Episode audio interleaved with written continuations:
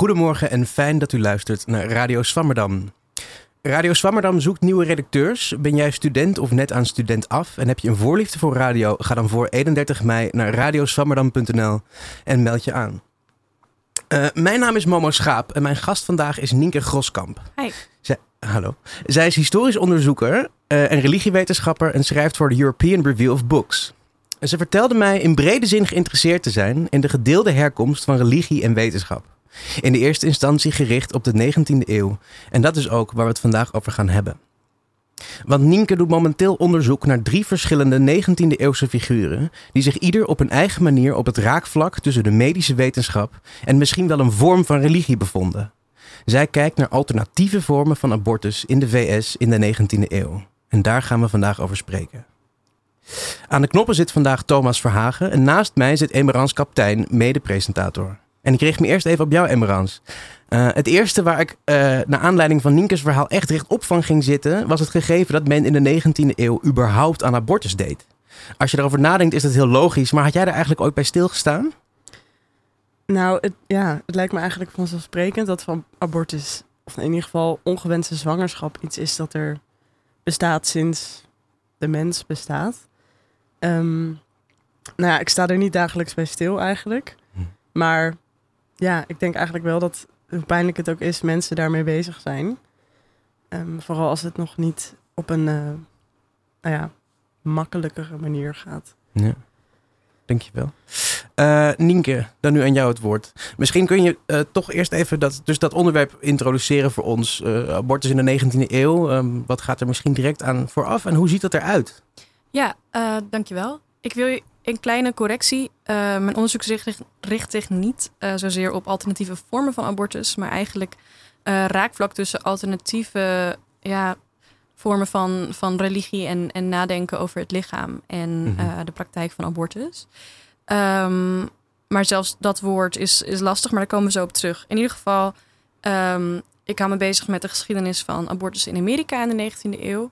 En daar, uh, dat is een hele in interessante tijd, omdat daarvoor abortus meer een privézaak was. Um, vrouwen regelden zelf hun, menstruatie, hielden dat bij. En als dat uitbleef, waren er methoden om die menstruatie weer op te wekken. En eigenlijk werd de zwangerschap ook nog niet zozeer als een zwangerschap gezien, totdat uh, de zwangere persoon iets voelt bewegen. Uh, dat worden, in het Engels heet dat quickening, in het Nederlands zijn dat kindsbewegingen. En dat is rond de vierde of vijfde maand van de zwangerschap. Dus daarvoor was er vooral sprake van een uitgebleven menstruatie en een mogelijkheid tot zwangerschap of om zwanger te worden of misschien een valse zwangerschap. Er waren natuurlijk geen zwangerschapstesten zoals we die vandaag kennen. Dus um, in de 19e eeuw verandert dat eigenlijk, waar abortus en zwangerschap eerst werden gezien als een privézaak voor vrouwen zelf, werd het meer uh, een onderdeel van publiek debat. Dit is een periode waarin artsen zich beginnen te professionaliseren als klasse. In plaats van um, uh, dat het mensen in het dorp zijn die elkaar helpen. En waar sommige mensen meer en meer, minder kennis hebben over uh, gezondheid. En vooral vrouwen heel erg gingen over verloskunde en zwangerschapszorg. Um, waren het nu meer mannelijke artsen die daarvoor een specifieke opleiding hadden gehad en die zich in 1847 organiseerden als de American Medical Association.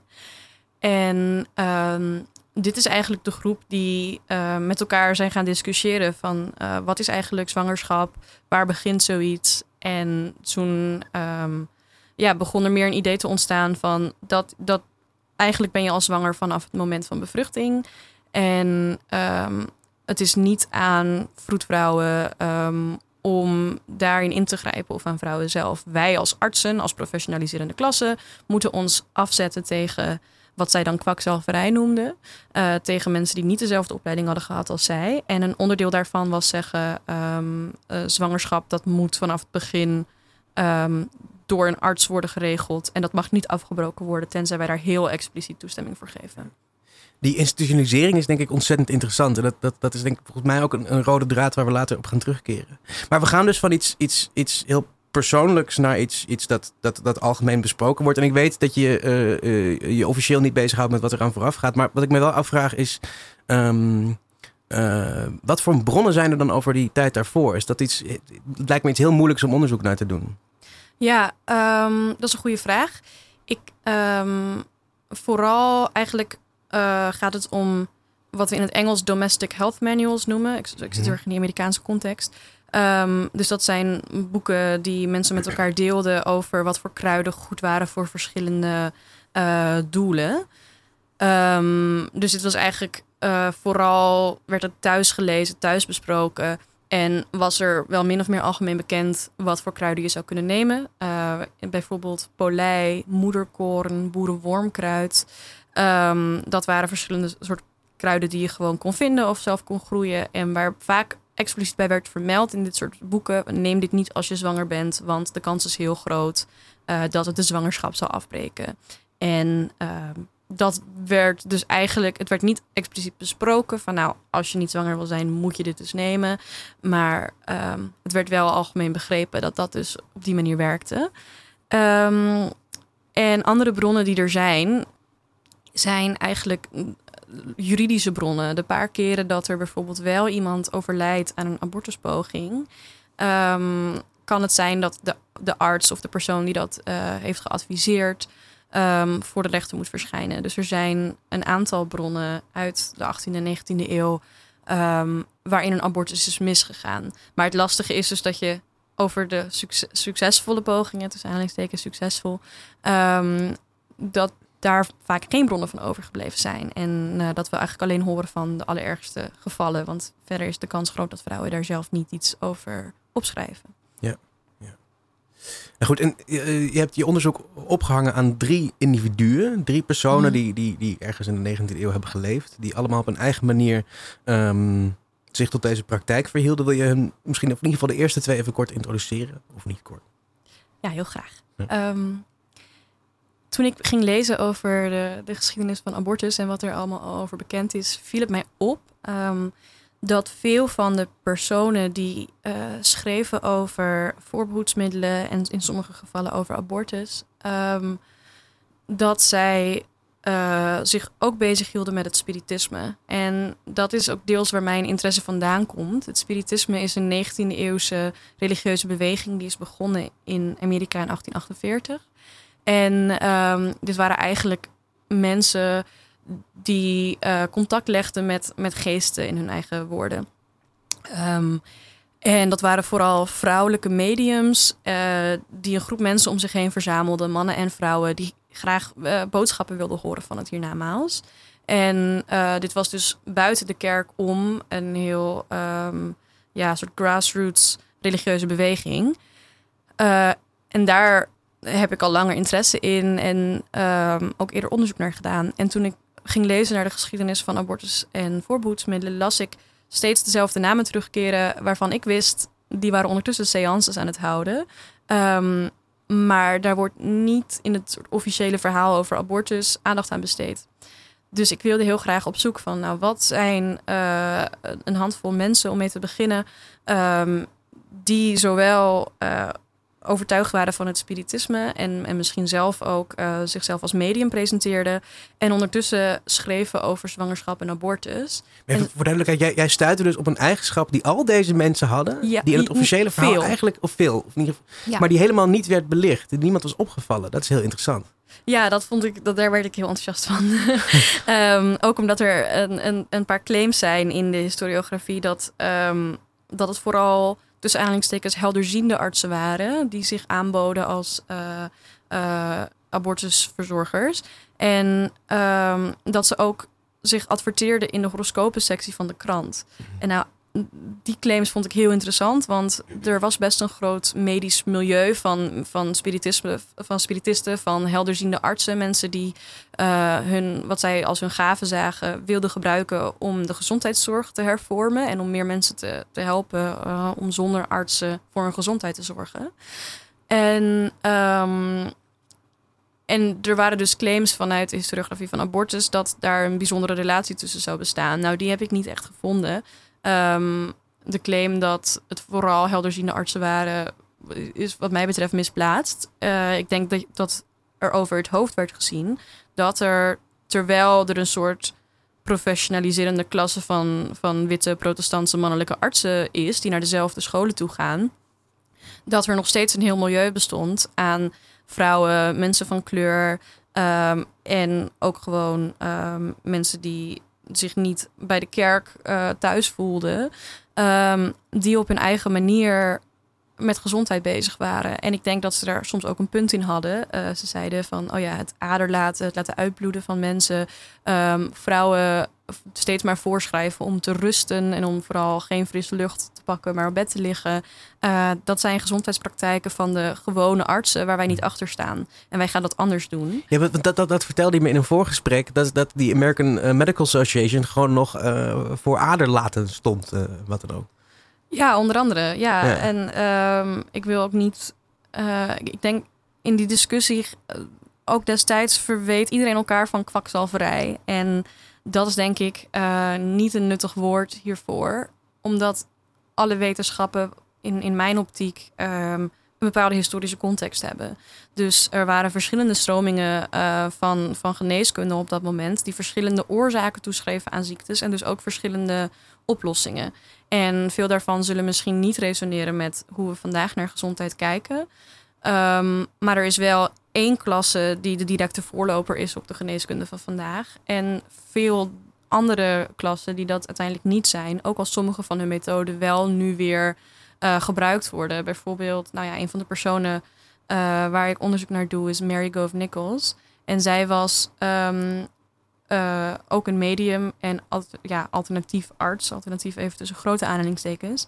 Uh, want zij hield zich bezig met de water cure. En dit was een vorm van uh, genezen waarin vooral koud water werd gebruikt. Zowel drinken, baden, maar ook nat verband om dingen heen leggen. met het idee dat water kon helpen om de natuurlijke balans van het lichaam te herstellen. En de onderliggende theorie daarvan is dat uh, het zuivere water het bloeddeel zou vervangen. Nou, dat is iets waar we vandaag uh, misschien een beetje gek van opkijken.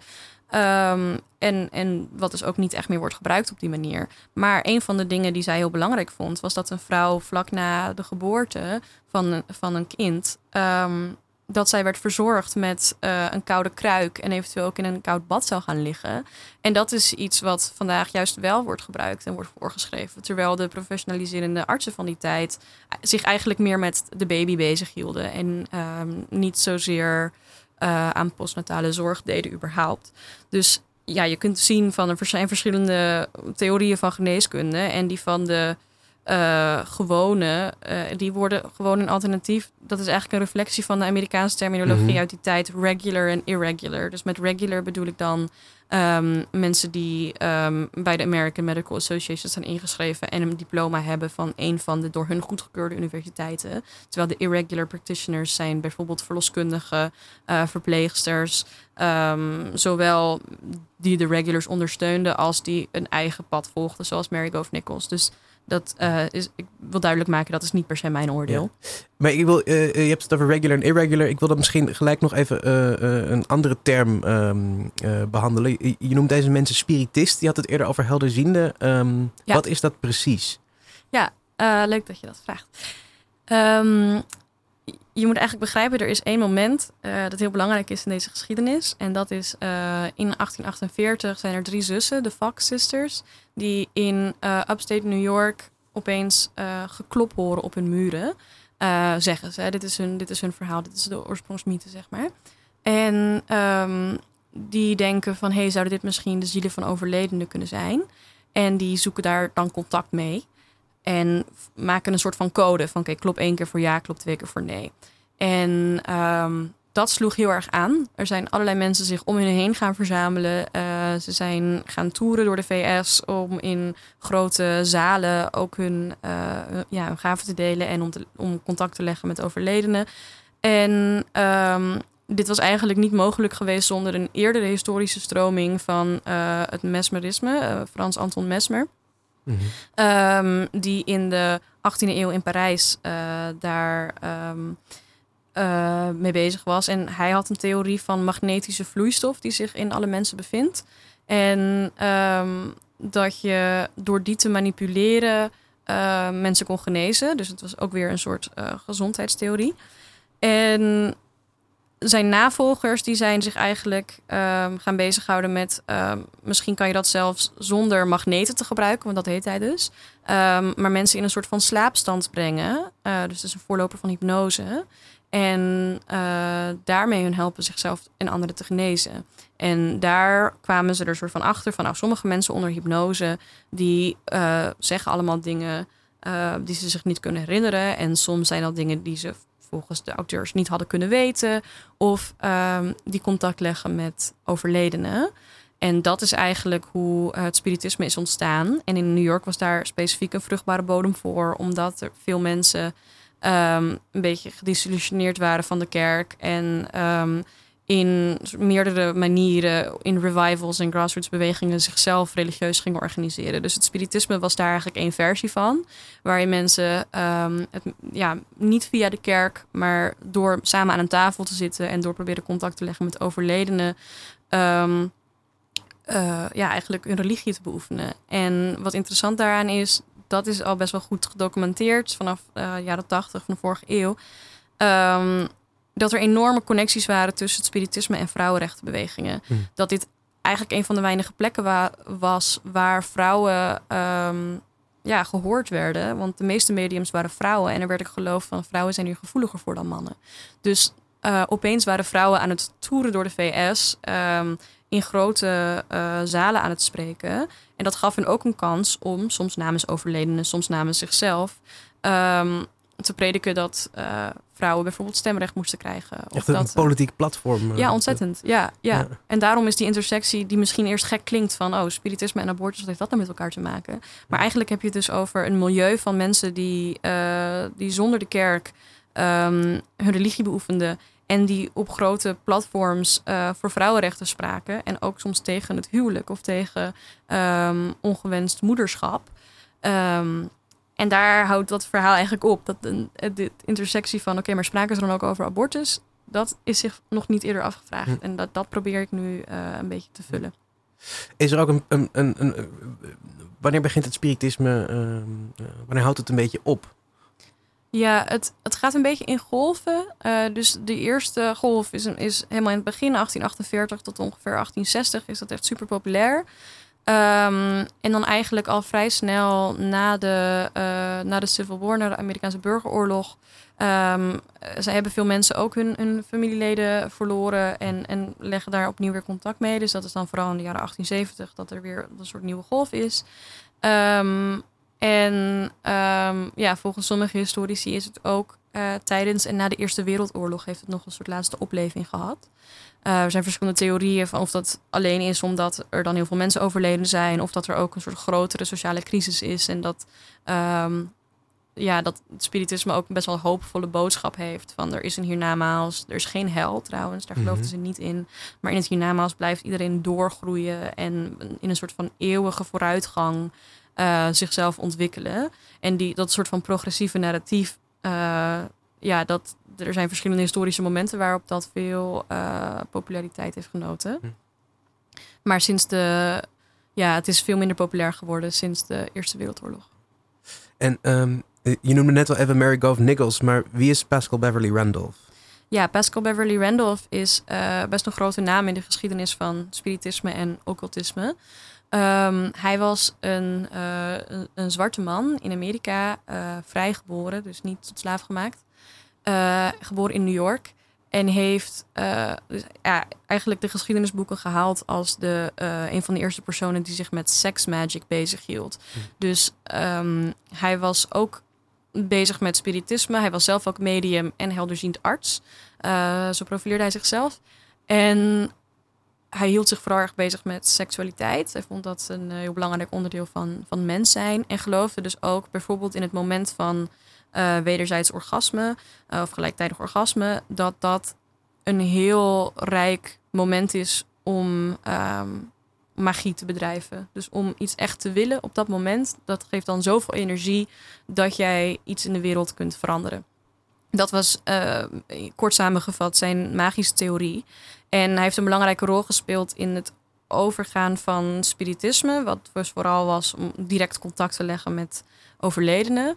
Ehm, later in zijn leven heeft hij gezegd dat is niet helemaal de manier tot magie. Want sommige van die geesten zijn geen overledenen, maar zijn eigenlijk demonen. Dus je moet eh, je beter inlezen. En wat, uh, hij, hij richtte meerdere broederschappen op met het doel om mensen te initiëren in zijn magische theorie, zodat dat op een wat gecontroleerdere manier ging. En daarmee is hij een belangrijke voorloper geweest voor uh, laat 19e en vroeg 20e eeuwse uh, occultistische bewegingen, zoals Theosofie, hm. um, de Hermetic Order of the Golden Dawn uh, en verschillende groepen die in de 20e eeuw heel bekend zijn geworden. Um, maar hij leefde van 1825 tot 75 uit mijn hoofd. En um, was daarmee ja, eigenlijk heel, heel vroeg en hij is een heel interessant figuur, want hij was, uh, hij was zwart, hij was arts, hij was abolitionist en hij hield zich bezig met magie. Dus eigenlijk uh, voor, voor mijn doel een heel interessant persoon om naar te kijken. Um, en hij was ook wel heel bekend en ook een beetje notoire. Niet iedereen uh, was even groot fan van hem in zijn eigen tijd en, en nog steeds. Um, omdat hij best wel radicale ideeën erop nahield. En soms ook precies de verkeerde dingen zei volgens andere abolitionisten. Um, dus dat is een van mijn onderzoekpersonen. Zal ik ook wat vertellen over Mary Gove Nichols? Want ja, dat heb ik eigenlijk nog niet helemaal gedaan. Ja. Um, zij komt ongeveer dezelfde tijd. En um, zij is als tiener in New Hampshire, in het noorden van de VS dus, um, bekeerd tot uh, Quaker-religie. Uh, de Society of Friends. En uh, dat was een soort progressieve vorm van, van christendom in die tijd. Ook abolitionisten, toch? zeker, ja. ja. ja. En, um, maar ze was eigenlijk de enige in haar dorp die, uh, die kweker was, als 14-jarige of überhaupt. En toen is zij uh, door haar oom gekoppeld aan een wat oudere man, toen ze eenmaal 18, 19 was, denk ik. Um, en is ze met hem getrouwd, een kweker. Dat huwelijk was een heel ongelukkig huwelijk. Hij was dronken, hij, hij zorgde niet goed voor haar, uh, hij, was, um, hij mishandelde haar op meerdere manieren. En ze was vaak ziek, ze had meerdere miskramen gehad en uh, was, kon niet zelf bepalen wanneer ze zwanger werd.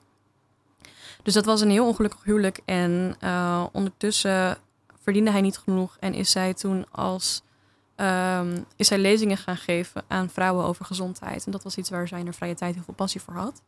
Um, en ze was een ontzettend overtuigende spreker. En um, heel veel mensen verzamelden zich om haar te horen spreken. Dus ze vertelde over um, uh, hoe je voor je kinderen moet zorgen, maar ook voor jezelf. Uh, wat je wel en niet moest eten. Zoals ook vegetariër, vroeg vegetariër. Um, dat je veel koud water moet drinken.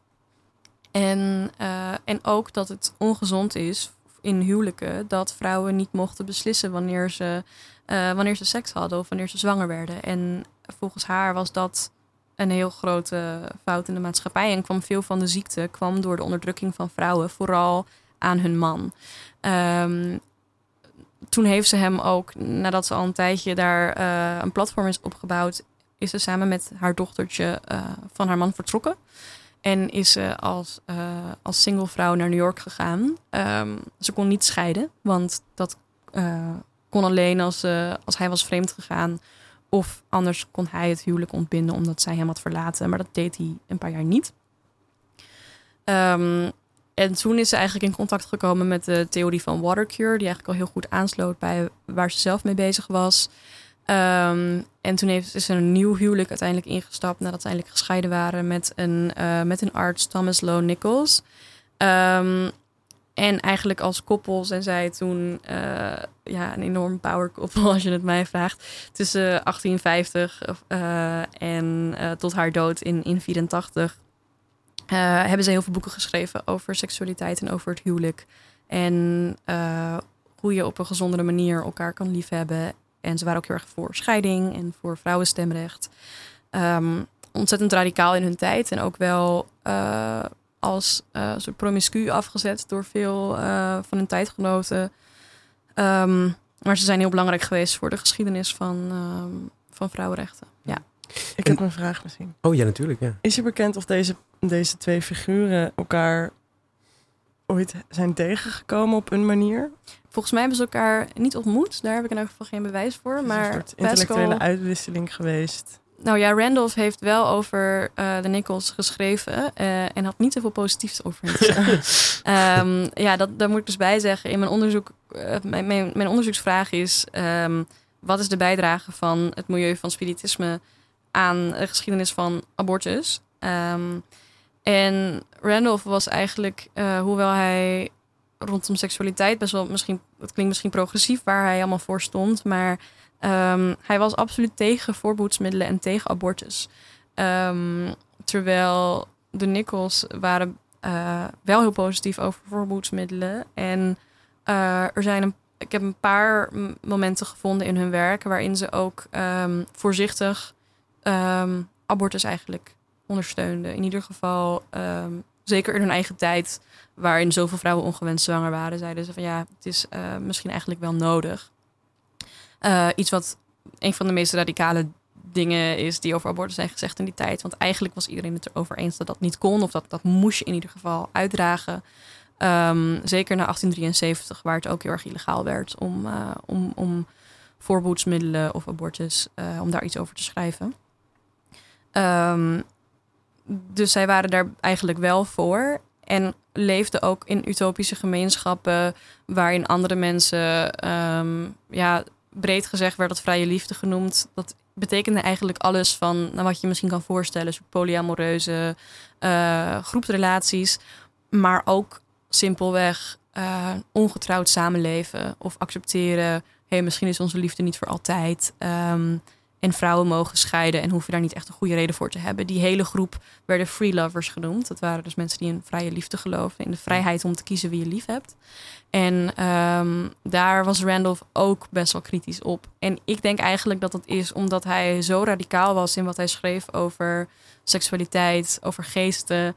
Um, en over uh, ja, de, de kracht van de, de, enorme lading die hij rondom uh, seks eigenlijk bracht. Dat hij zei, dit is het meest magische moment. Um, dat hij daar best wel over in, de problemen kan komen als hij daar ook nog eens zegt van... Uh, dat mag je ook doen met wie je wil en het maakt eigenlijk niet echt uit en je kunt voorboedsmiddelen gebruiken. Um, dus dat hij op andere manieren zich heel erg probeert af te zetten tegen zijn tijdgenoten... die daar wat losser misschien mee omgingen. En eh, eh, het zijn allebei mensen over wie al best veel geschreven is, volgens mij. Klopt. Uh, maar in een andere context dan wat jij doet. Maar wat, kun je iets vertellen over wat, uh, wat hebben eerdere generaties historici over deze mensen te zeggen gehad? Nou ja, wat ik zei, Randolph wordt vooral gezien als de grote innovator die een soort ja, voorhoede was voor um, occulte, occulte broederschappen die rond 1900 eigenlijk populair werden. En een beetje als wegbereider. Daar is een hele mooie biografie over Randolph geschreven uh, door uh, Patrick Devaney.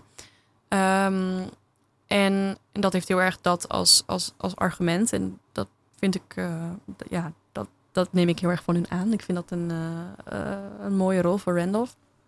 Um, maar er is, er is wel een neiging uh, onder historici om sommige van zijn claims met een korrel zout te nemen. Om te zeggen van, oh ja, hij had ook een beetje gekke hobby's. Uh, zoals uh, met magnetisme proberen mensen te genezen. En hij noemde zichzelf arts, maar hij had er eigenlijk niet de opleiding voor. Um, en daarom denk ik van, oké, dat, dat mist denk ik een beetje de context van de 19e eeuw... waarin een heel groot deel van de artsen niet een van de EME goedgekeurde opleiding hadden gevolgd. En waarin dat best een geaccepteerde rol was in verschillende gemeenschappen. Um, dus dat hij wel degelijk werd gezien als arts in zijn tijd. En dat dat niet zo'n groot onderscheid was als historici misschien denken. Um, en Mary Gove Nichols wordt vooral besproken in de geschiedenis van uh, wat health reform wordt genoemd. Dus eigenlijk mensen zoals zij die zeiden: wat artsen doen is niet altijd het beste voor uh, de patiënt, vooral voor de vrouw. En we moeten meer geloven in de natuurlijke herstelvermogen van het lichaam. En um, uh, voorkomen in plaats van genezen. Uh, en iedereen moet kennis hebben. Je hoeft dat niet allemaal via een arts te doen. Dat was eigenlijk een grote beweging in die tijd. En daarover wordt vaak gezegd dat waren vrijdenkers of dat waren seculiere mensen. En dat is waar tot zover um, veel van deze mensen niet aan een kerk verbonden waren en zich niet zoveel aantrokken van wat de paus of de protestantse kerk uh, te zeggen hadden over deze onderwerpen. Maar het mist denk ik dat veel, voor veel van hen er, dat veel van hen wel een rijk religieus leven hadden. En voor Mary is dat absoluut waar. Zij is uh, uh, haar hele vroege leven heeft zich gevormd doordat ze Quaker was. En Ehm, rond 1850, dus kort na, de, na het moment in 48 van de Fox Sisters. Kort daarna is zij zelf uh, spiritist geworden en medium. En schreef ze ook voor allerlei spiritistische kranten samen met haar man. Dus ehm, zij is wel degelijk ook een religieus persoon die nadenkt over de ziel en over de betekenis van het leven op een soort religieus niveau. En ik denk daarom ook dat je haar, uh, haar teksten over gezondheid en uh, ja, ook in dat licht moet lezen en ook moet denken. Uh, voor haar ging het niet om alleen maar het lichaam. En die dualiteit die is sowieso heel erg. nou ja, dat, dat projecteer je dan misschien heel erg op, op zo'n groep. En dan denk je, oh, ze waren seculier. Um, terwijl, ja, dat was gewoon niet zo. En, en, en um, um, waarom zijn, waren deze mensen dan, uh, of waarom zijn deze mensen nu in de 21ste eeuw uh, bij uitstek de personen om de beweging uh, te vertegenwoordigen eigenlijk, die jij wil beschrijven, of het fenomeen? Ja, ik vind het lastig om hen die um, verantwoordelijkheid op te leggen als, als vertegenwoordigers van een, een, beweging. Want dat was een grotere beweging. Maar je bent dan altijd toch wel uit, uh, uh, noem dat, afhankelijk van toevalligheden zoals bronnen. Welke mm. bronnen zijn overgebleven? En van Randolph en, en Nichols um, zijn dat er best wel veel, omdat ze veel boeken publiceerden en die zijn gewoon goed bewaard gebleven. Um, en ik denk in de 21ste eeuw dat het heel belangrijk is om, um, om naar de 19e eeuw te kijken. Omdat het vaak lijkt in Amerika vandaag dat het abortusdebat kent heel erg twee kampen. En daar is um, weinig beweging in. Of dat voelt heel erg als een soort vastgeroeste blokken. En ik denk dat beide groepen zich ook presenteren. Vooral de, uh, de anti-abortusgroep presenteert zich als uh, wij zijn altijd anti-abortus geweest. En wij betekent dan vaak christenen. Um, of het betekent uh, conservatievere denkers. Het kan van alles betekenen, maar er is een soort beeldvorming van een, een, een een blok dat altijd zo is geweest en misschien ook altijd zo zal zijn. Terwijl eigenlijk in de 19e eeuw zie je zoveel verrassende combinaties van mensen met hun religieuze geloof, uh, hun soort sociale uh, engagement en hun posities ten opzichte van abortus. Dat er uh, christenen waren die um, daar helemaal geen probleem mee hadden. Dat er dus magische spiritisten waren zoals Randolph die daar wel een probleem mee hadden. Um, en ook mensen die daar constant in veranderden in hun mening. En um, in de geschiedenis daarvoor is het helemaal niet een bewijs dat de katholieke kerk of verschillende protestantse groeperingen um, altijd al tegen abortus zijn geweest. Dat is gewoon niet zo. Dus ik denk dat het heel belangrijk is om te kijken naar de 19e eeuw. Wat, wat dit betreft wel een beetje een soort vormende tijd is. Waarin veel van deze debatten die we vandaag nog voeren vorm hebben gekregen. En uh, waarin die kampen eigenlijk zijn ontstaan. En om dan te laten zien, um, dit, ja, er is een historische specificiteit uh, hieraan. En het is niet van de natuur gegeven. En uh, een eventuele koppeling naar uh, het actuele crisis waar we in zitten wat abortus betreft. Na het uh, repealen van Roe versus Wade. Wil ik eerst graag even nog naar muziek. Um, ik heb je gevraagd om uh, uh, muziek mee te nemen die voor jou belangrijk is binnen de context of in ieder geval binnen jouw ervaring van uh, het uh, schrijven van dit onderzoek. en wat je mee hebt genomen is Turn, Turn, Turn van Pete Seeger. Wil je daar nu iets over vertellen of zullen we daar achteraf even over praten? Nee, laten we gewoon luisteren. Geweldig. To everything, turn, turn, turn. There is a season, turn, turn, turn. And a time to every purpose under heaven. A time to be born, a time to die, a time to plant, a time to. Een heel goedemorgen. Uh, u luistert naar Radio Swammerdam. We spreken vandaag met Nienke Groskamp, die onderzoek doet naar spiritisten en uh, hun banden met de abortusbeweging in de 19e eeuw. Um, we luisterden net naar Turn, Turn, Turn van Pete Seeger. Waarom is dat voor jou een belangrijk nummer? Ik vind het zo'n mooi nummer. En uh, ja, dat is een heel simpel antwoord. Maar Pete Seeger, um, dit nummer komt uit ongeveer 1960. Um, en hij combineerde, wat mij betreft, op een hele mooie manier religieuze teksten en, uh, en ideeën met een wel echt scherp linksactivisme. En Turn, Turn, Turn vind ik een een hele mooie Bijbeltekst. Die um, ja, ons eraan doet herinneren. De seizoenen veranderen en, eh, en alles is, is tijdelijk. En ehm, ja, dat, dat is zowel mooi voor een soort historisch bewustzijn, maar ook voor mezelf. Ehm, als ik het onderzoek induik en soms even nog niet weet waar het naartoe gaat, om me er dan aan te herinneren. To everything there is a season. en dit is die van vraagtekens. En straks misschien van antwoorden. Ja. Mooi, dankjewel. Want ik wil nu ook eigenlijk heel graag een beetje uh, naar de 21ste eeuw. En uh, naar jouw plek daarin. En naar ook misschien de plek van jouw onderzoek daarin. En misschien te openen met wel een heel brede vraag. Um, wat voor historicus wil je eigenlijk zijn? Ja, wat ik heel belangrijk vind is dat we um, wat betreft de 21ste eeuw en, en een soort hedendaagse uh, connectie, vind ik het belangrijk dat we de geschiedenis gebruiken om een beetje te morren aan de fundamenten um, van wat we voor lief nemen. Dus ik denk als het gaat om de abortusdiscussie en in bredere zin eigenlijk om wetenschap, om te kijken waar komen onze wetenschappelijke prioriteiten vandaan? Waarom worden bepaalde dingen meer of minder onderzocht? En wanneer zijn bepaalde theorieën ontstaan? En wat speelde er nog meer in die tijd? En dat kan ons dan soms laten zien wat voor een lading wetenschappelijke theorieën kunnen hebben. En dat is dus niet um, om kritiek te leveren of om te zeggen we moeten terug naar een andere tijd, maar om um, kritisch vragen te durven blijven stellen. En wat abortus betreft, nou ja, wat ik dus eigenlijk eerder al zei, um, is het heel belangrijk dat we de verschillende meningen rondom abortus in hun historische context begrijpen en begrijpen hoe ze zijn geworden wat ze zijn. Ook zodat we weer kunnen kijken hoe we door moeten.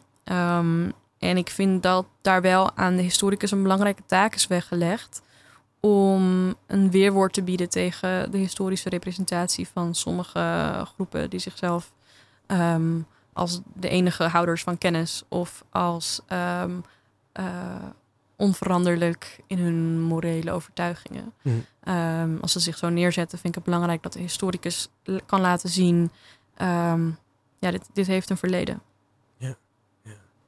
Ik, ik sprak een keer zelf op, op, op een feestje met iemand en vertelde dat ik geschiedenis studeer, want dat doe ik ook. Uh, en die zei toen: Oh, leuk, ja, fijn, geschiedenis verandert niet. Maar dat is natuurlijk helemaal niet aan de orde.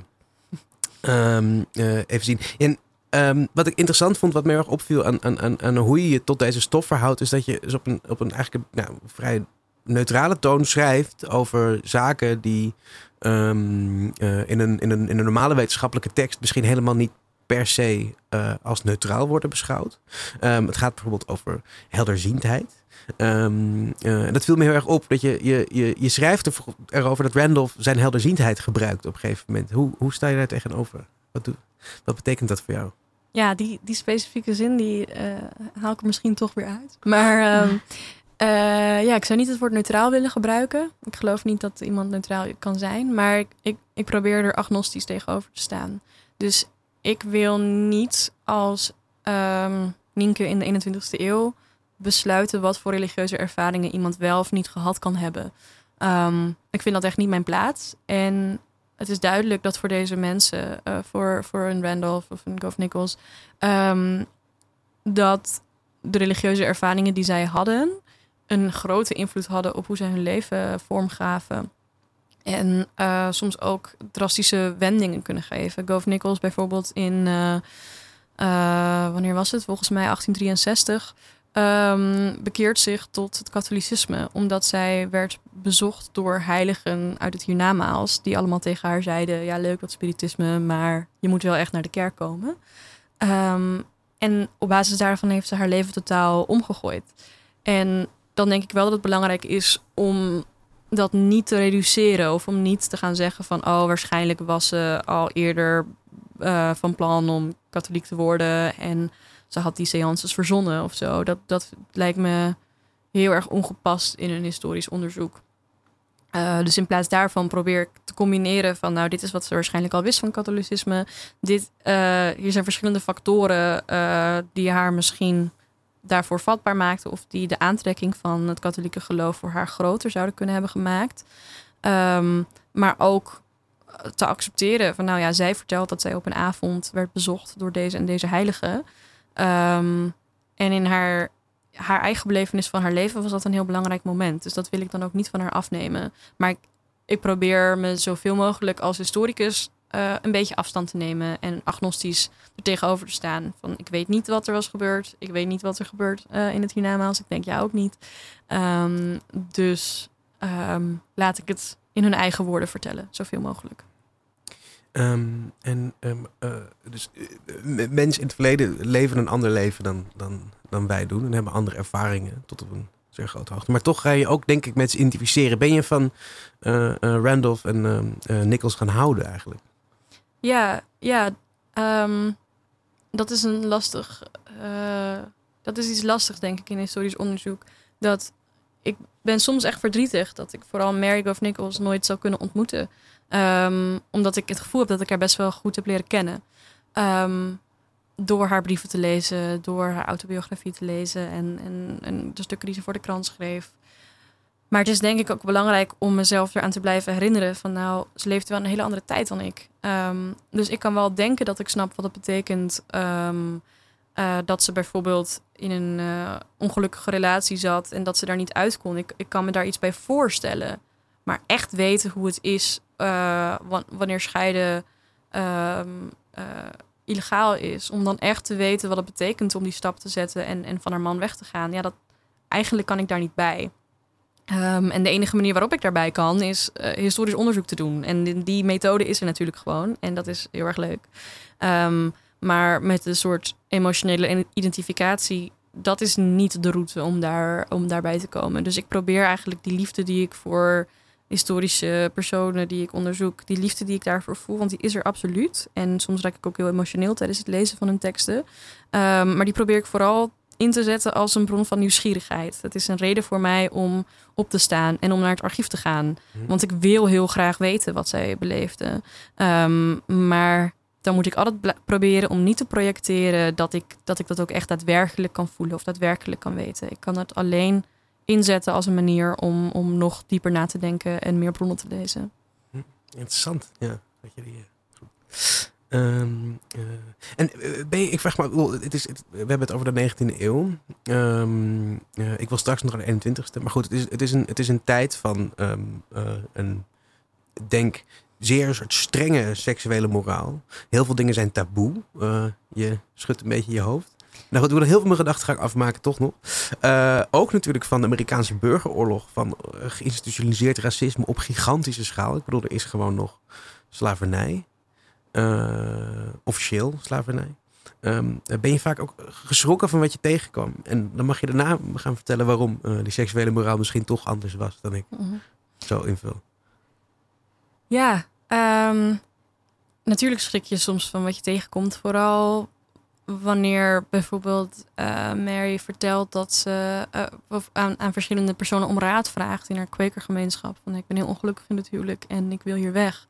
Um, en dat ze dan verteld wordt van de verschillende kanten van ja, sorry, maar dat, dat kan eigenlijk niet. Um, en ook wat, wat Randolph beschrijft. Uh, ik bedoel, hij is dan opgegroeid als. Uh, hij was niet tot slaaf gemaakt, um, maar hij was wel heel arm. En zijn moeder overleed heel erg jong aan tuberculose. Um, en hij heeft ook een deel van zijn tijd op straat uh, moeten zwerven. dat was ongetwijfeld niet makkelijk als zwarte man in, in de 19e eeuw. Um, dus daar zitten wel, het is wel een pijnlijke geschiedenis die je, die je aangaat. En soms de manier waarop ze dat zelf vertellen kan verrassend zijn. Of uh, ja, dat Randolph, die zegt bijvoorbeeld heel vaak dat hij niet afstamt van andere uh, African Americans, maar dat zijn moeder uh, afstamde van een koningin uit Madagaskar. En dat hij zegt: Ik heb geen, geen druppel van de Amerikaanse zwarte in mij. Um, niet dat het erg was als het wel zo was, zegt hij daarbij. Maar uh, dat was niet zo. Uh, ik stam af van het Koningshuis uit Madagaskar en ook een beetje van de Native Americans. En hij profileert zich dus ook op een gegeven moment als, als Indian doctor. Indian dus als inheems Amerikaans bedoeld. En um, dat is wel interessant voor een abolitionist die zich wel echt inzette op verschillende momenten in zijn leven ehm, voor het, de afschaffing van slavernij, maar toch op een bepaalde manier zich niet helemaal wilde identificeren met die onderdrukte klasse. En um, op dat soort momenten, uh, overigens ook Mary Gove Nichols zegt een paar keer: een getrouwde vrouw is misschien nog wel meer een slaaf dan een zwarte vrouw in het zuiden. Um, dat is natuurlijk heel erg pijnlijk om te lezen en gewoon ja, niet waar. Maar het is denk ik wel belangrijk om, om ook daarin te duiken en te denken: oké, wat beweegt haar ertoe om dat te zeggen? Dat is nogal een uitspraak. Dus um, deels wordt ze daartoe bewogen omdat ze waarschijnlijk echt gelooft en omdat ze hele heftige uh, dingen mee heeft gemaakt en vrouwen om zich heen ook uh, heel erg vast ziet zitten in een heel ongelukkig en, en vaak uh, mishandelend huwelijk. Maar ook Um, daar zit ook een sociale context aan. Het abolitionisme was op dat moment best wel groot um, in haar cirkels. En er waren genoeg vrouwen die zich daarvoor inzetten en mannen.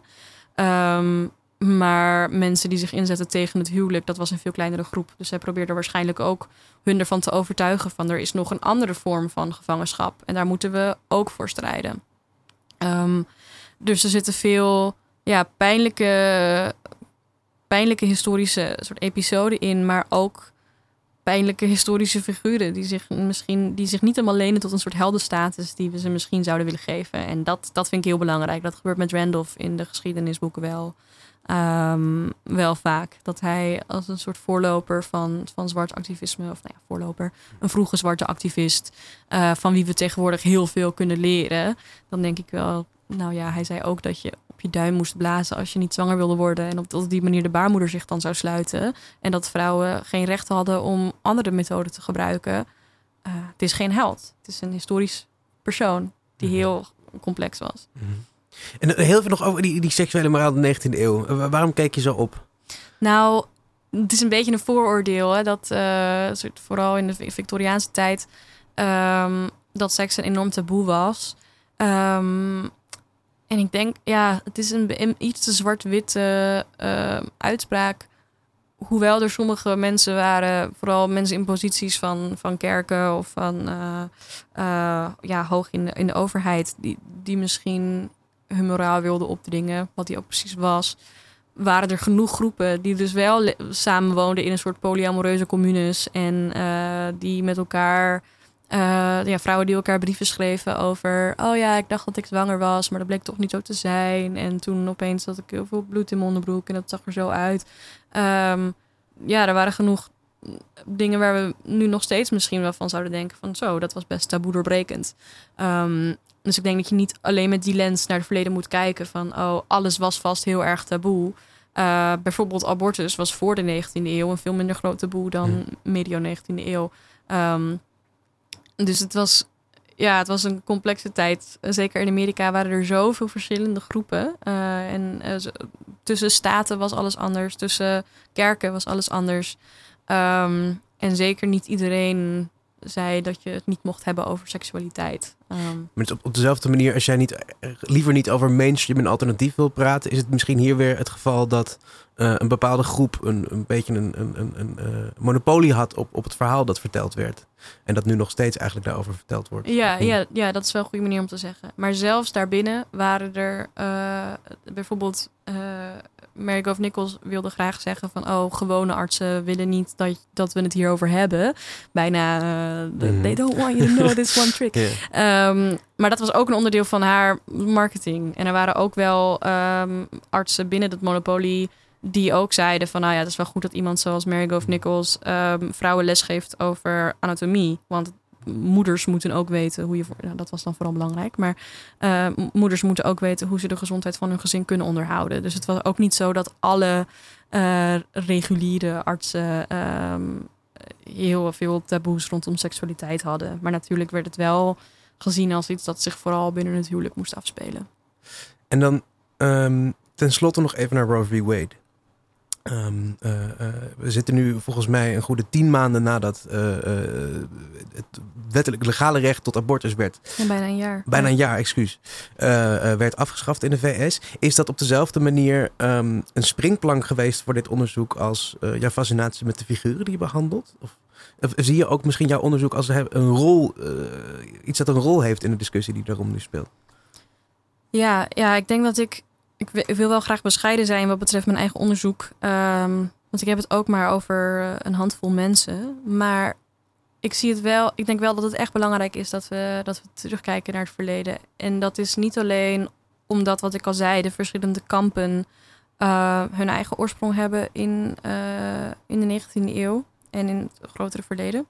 Maar ook omdat op dit moment, een paar maanden geleden, werd ehm, de wet uit 1873, eh, de zogeheten Comstock Laws. Dat was een, een groep wetten die, ehm, ja, eigenlijk censuurwetten. Die wilden eh, ervoor zorgen dat de Amerikaanse eh, Postal Service geen, dat daarbinnen geen informatie over voorbehoedsmiddelen, abortus, maar überhaupt over seksualiteit of andere dingen die als obscene werden gezien, obscene, dat die eh, niet door de post mochten worden verspreid. Dat waren de wetten. En die, daar zijn veel mensen op gearresteerd en in de gevangenis eh, gegooid.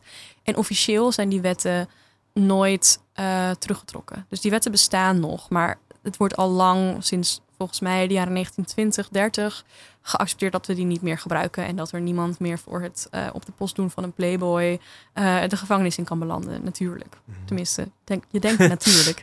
Maar eh, ja, in, in april van dit jaar, als ik het goed heb, ehm, was er, is er een groep eh, lobbyisten geweest in de VS, anti-abortus eh, die die wetten hebben gebruikt om te proberen het verspreiden van de abortuspil eh, tegen te gaan. En in Texas was er een rechter eh, die al een geschiedenis heeft van anti-abortus legislatie.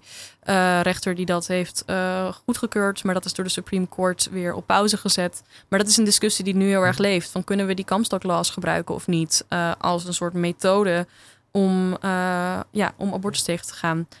Ehm, dus het, het leeft nog steeds.